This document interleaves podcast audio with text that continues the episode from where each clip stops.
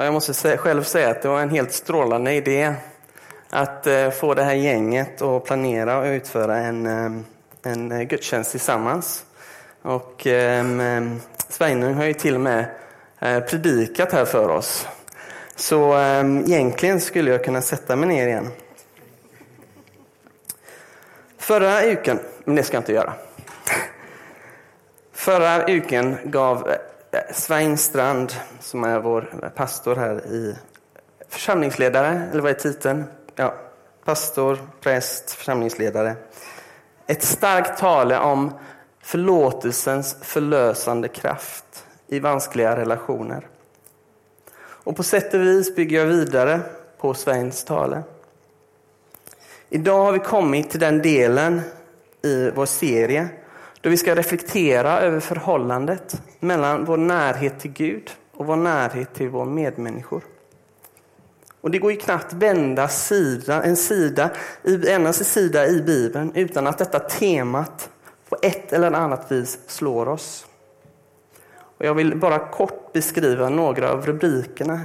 Detta. I skapelsets drama beskrivs människan som en social varelse skapad till att relatera till Gud genom att relatera till varandra. Så det är inte så märkligt att för judarna summerades lagen i det dubbla kärleksbudskapet att älska Gud och älska nästan. Både Jesus och Paulus bekräftade denna grundtanken. När den där mannen, ni vet som var en expert på Bibeln, när han kom till Jesus och spurte om vad ska jag göra för att vinna evigt liv? Då svarade Jesus, ofta som han gjorde, med ett motspörsmål. Vad säger lagen? Mannen svarade. Du ska älska Herren din Gud av hela ditt hjärta, av hela din själ, av hela din kraft och hela ditt förstånd och din näste som dig själv. Gör det så får du leva, svarade Jesus. Och därefter fortsatte han med att vidga definitionen om vem vår nästa är till att inkludera fienden och till och med i princip den icke-kristna. Ja.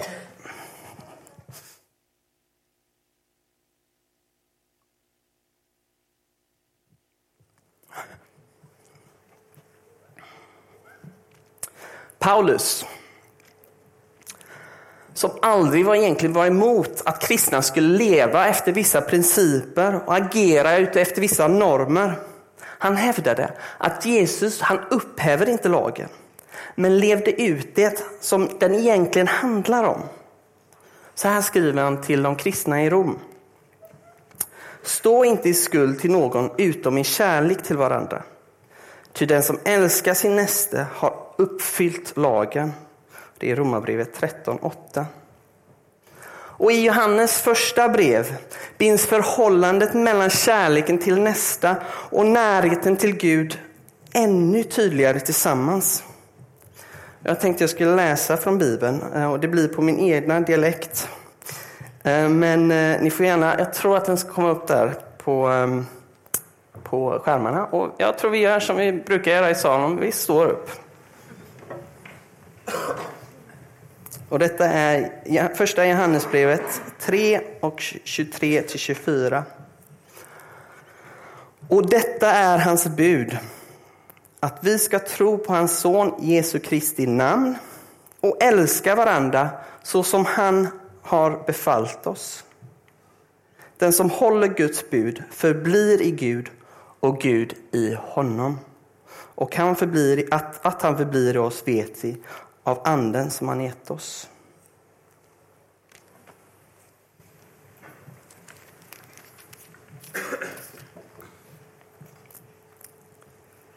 Den som håller Guds bud förblir i Gud och Gud i honom. Att älska vår näste innebär att vi förblir i Gud, att vi har närhet till Gud. Och Johannes, han argumenterar att den här kärleken, det är inte framförallt ett känslotillstånd, utan ger sig uttryck i praktiska handlingar. Det finns därför ingen dualism mellan andlighet och praktiskt hjälpa våra medmänniskor. Snarare, de går hand i hand. Och egentligen kan vi inte förstå Bibeln utan de enkla bekännelserna. Hela frälsningsläran måste förstås utifrån detta perspektivet. Synden bryter ner relationer både vertikalt och horisontellt. Nåden och förlåtelsen genom Jesu död och uppståndelse gör dem igen möjliga. Som ni förstår är det lite av en utfordring att få ihop ett så här stort tema i en kort predikan. Och jag plejer ha som regel att försöka hålla mig till 20 minuter. Jag kan inte lova att jag gör det. Men eh, till skillnad från Martin Luther har jag bara tre teser. Vi närmar oss Gud, Fadern. När vi, närmar vi oss för Gud, Fadern, närmar vi oss också varann, världen och varandra. I fällskapet med helgerna dras vi närmare Fadern. Och om vi vill vara nära Fadern ska vi söka oss till de mest sårbara i vårt samhälle och samfund. Det finns en tendens att uppfatta bönen som världsfrånvändande. Jag vet inte om det ordet finns på norsk. Men jag skulle påstå att det motsatta är sant. Att söka sig undan till ensamhet, tystnad och bön är, i alla fall i den kristna bemärkelsen, ett världsbejakande bejaande. Jag tänker på det antal gånger som Jesus drog sig tillbaka till öde ställen för att be. I de nedtecknade berättelserna om Jesus så förekommer sådana tillfällen oftast före stora och viktiga händelseförlopp i hans liv. Det är tryggheten av att veta att han är älskad av Fadern som gjorde det möjligt för honom att agera i världen som han gjorde.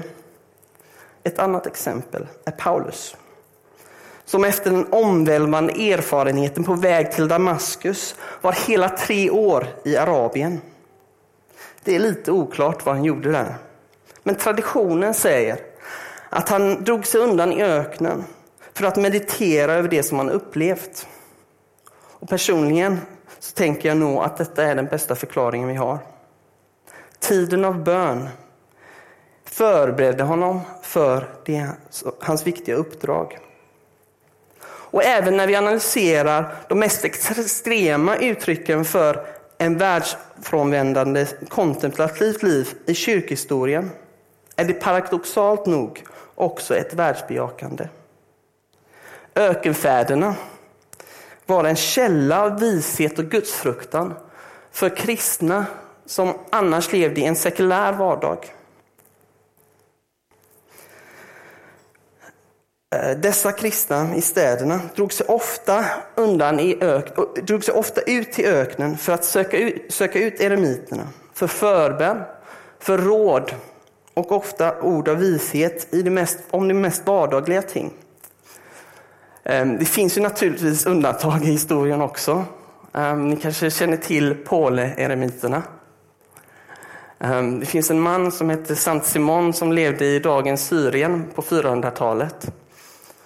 Och han bodde på en påle i 20, nej, 37 år.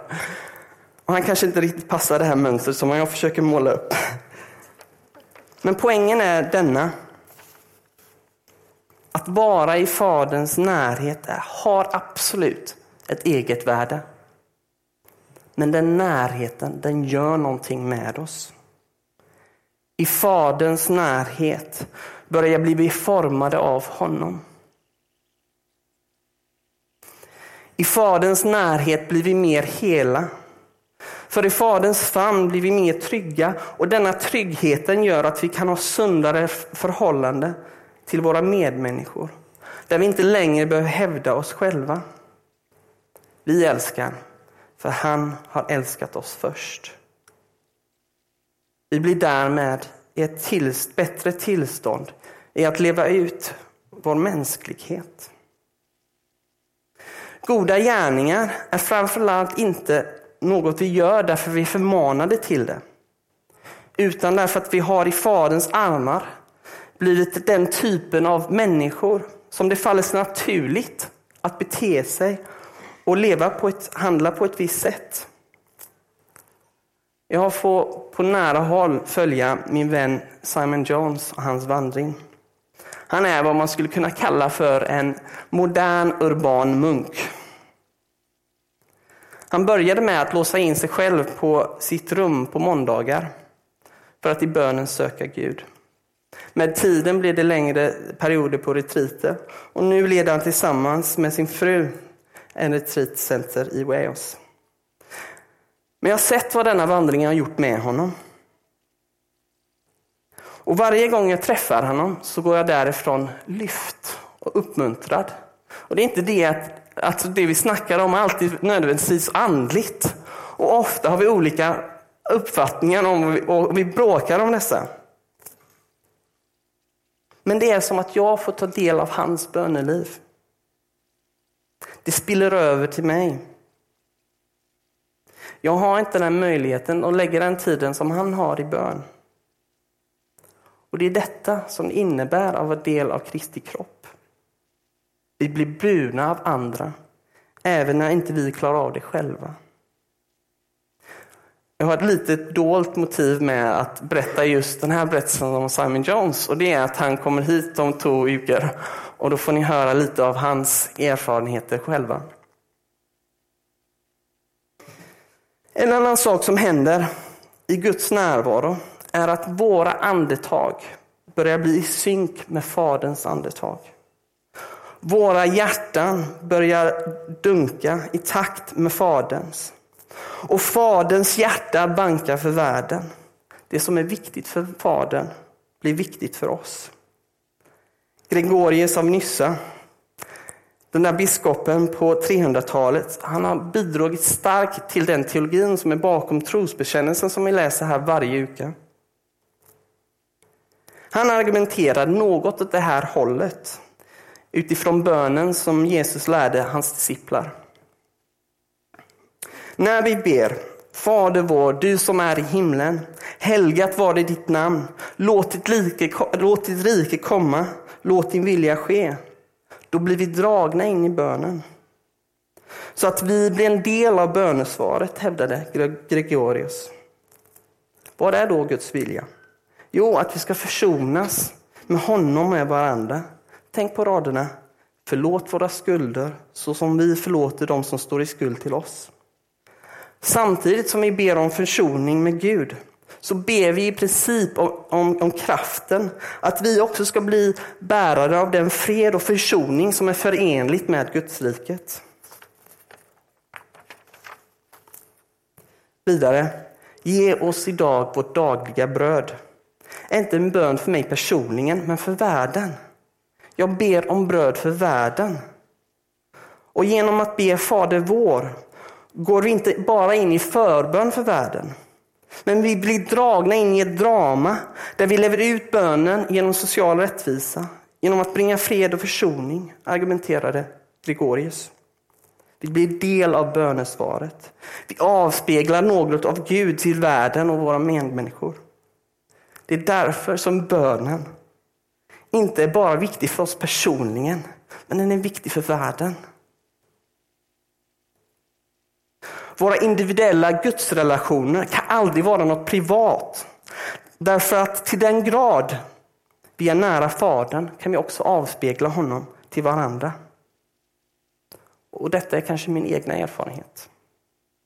Bönen gör mig mer tålmodig, mer väl inställd till andra människor. Våra, vår individuella andlighet är inte en privat angelägenhet. På så sätt är det närmast själviskt att inte söka Guds ansikte. Och Detta leder mig till min andra tes. För det är inte bara i bönen som vi närmar oss Fadern, men också i mötet med Guds reflekterande människor. Just därför att vi är sociala varelser är det oundvikligt att vi formas i mötet med andra människor. Detta är både positiv och negativ bemärkelse. Jag tänker bara här dela några tankar om den positiva meningen, nämligen rollen av helgen i vår menighet. Jag tänker inte här på helgen i en strikt katolsk bemärkelse, men om de personer i vår närhet som på ett speciellt sätt med handlingar, ord, men framförallt deras karaktär och deras personlighet för oss närmare till Gud, Fadern. Det är den typen av människor som vars exemplariska liv smittar av sig. De är föredömen för andra att följa. Tanken att följa andras exempel är absolut inte främmande i Nya Testamentet. Paulus förmanade de kristna i Korint. Följ mitt exempel, liksom jag följer Kristi exempel. Jag tror inte Paulus hade gett mycket för jantelagen. Jag tror ni kan alla tänka på en sådan person som har påverkat oss. Jag har redan nämnt min vän Simon, vars böneliv har inspirerat mig att söka mig mer till en kontemplativ andlighet. Och vi ska nu få höra från några av mina vänner i bibelstudiegrupperna om personer som på det här sättet har påverkat dem. Vi kan behöva en mikrofon. Alltså.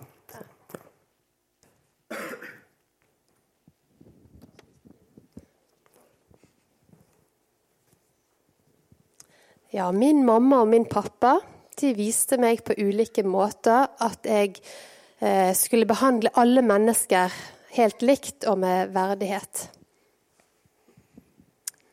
Min eh, troshelt eh, het og heter fortsatt Olga. Eh, hun var alltid en eh, trygg, eh, åndelig og vennskapelig havn for meg. Og i eh, møte med sorg, eh, sykdom og død, så eh, skinte troen hennes eh, om mulig enda sterkere. Jeg vil nevne min farmor, i den grad jeg har stemme. Eh, fordi eh, hun satte andre foran seg selv. Tusen takk.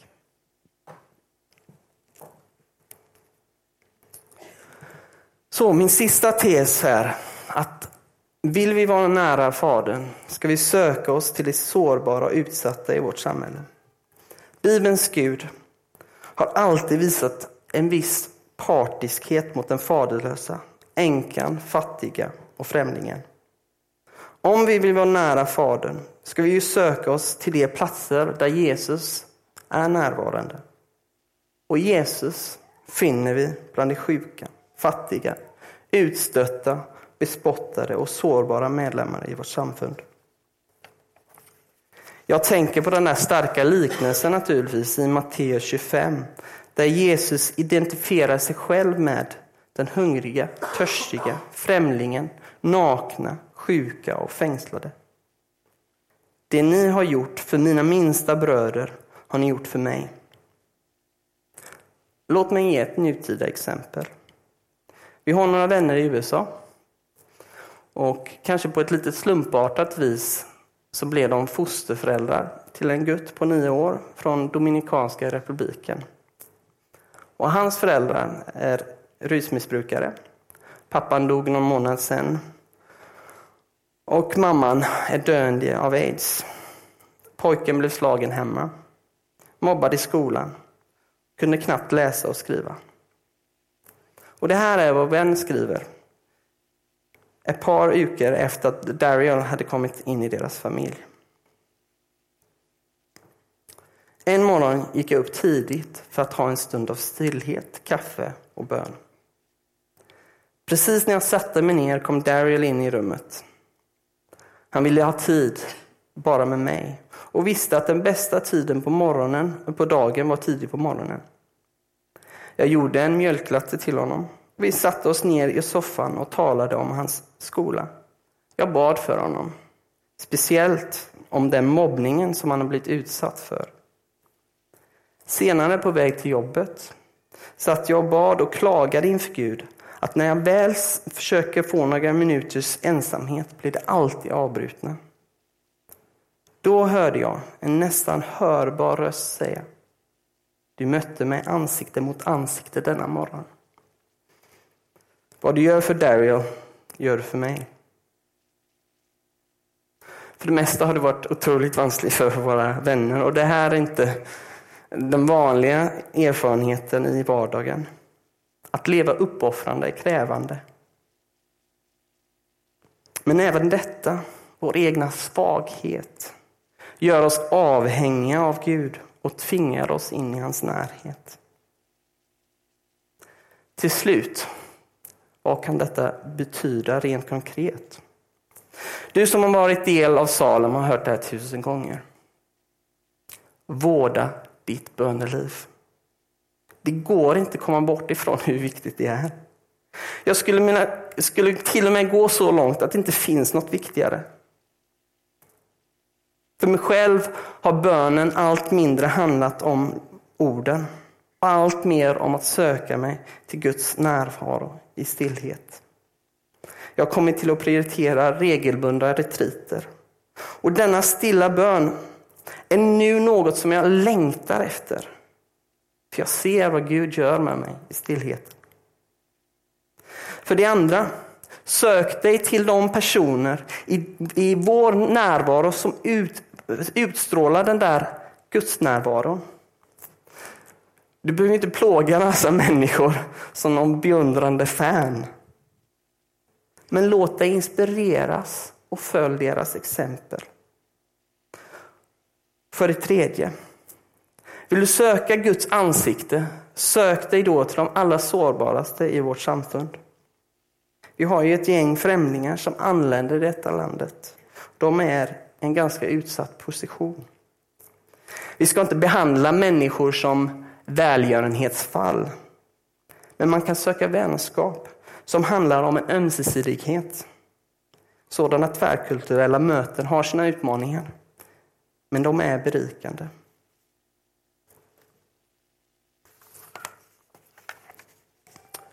Hur får en sån här preke dig att känna? Inspirerad? Vemodig? Tyngd av skuld? Likgiltig? Det är naturligtvis min önskan att du går härifrån inspirerad.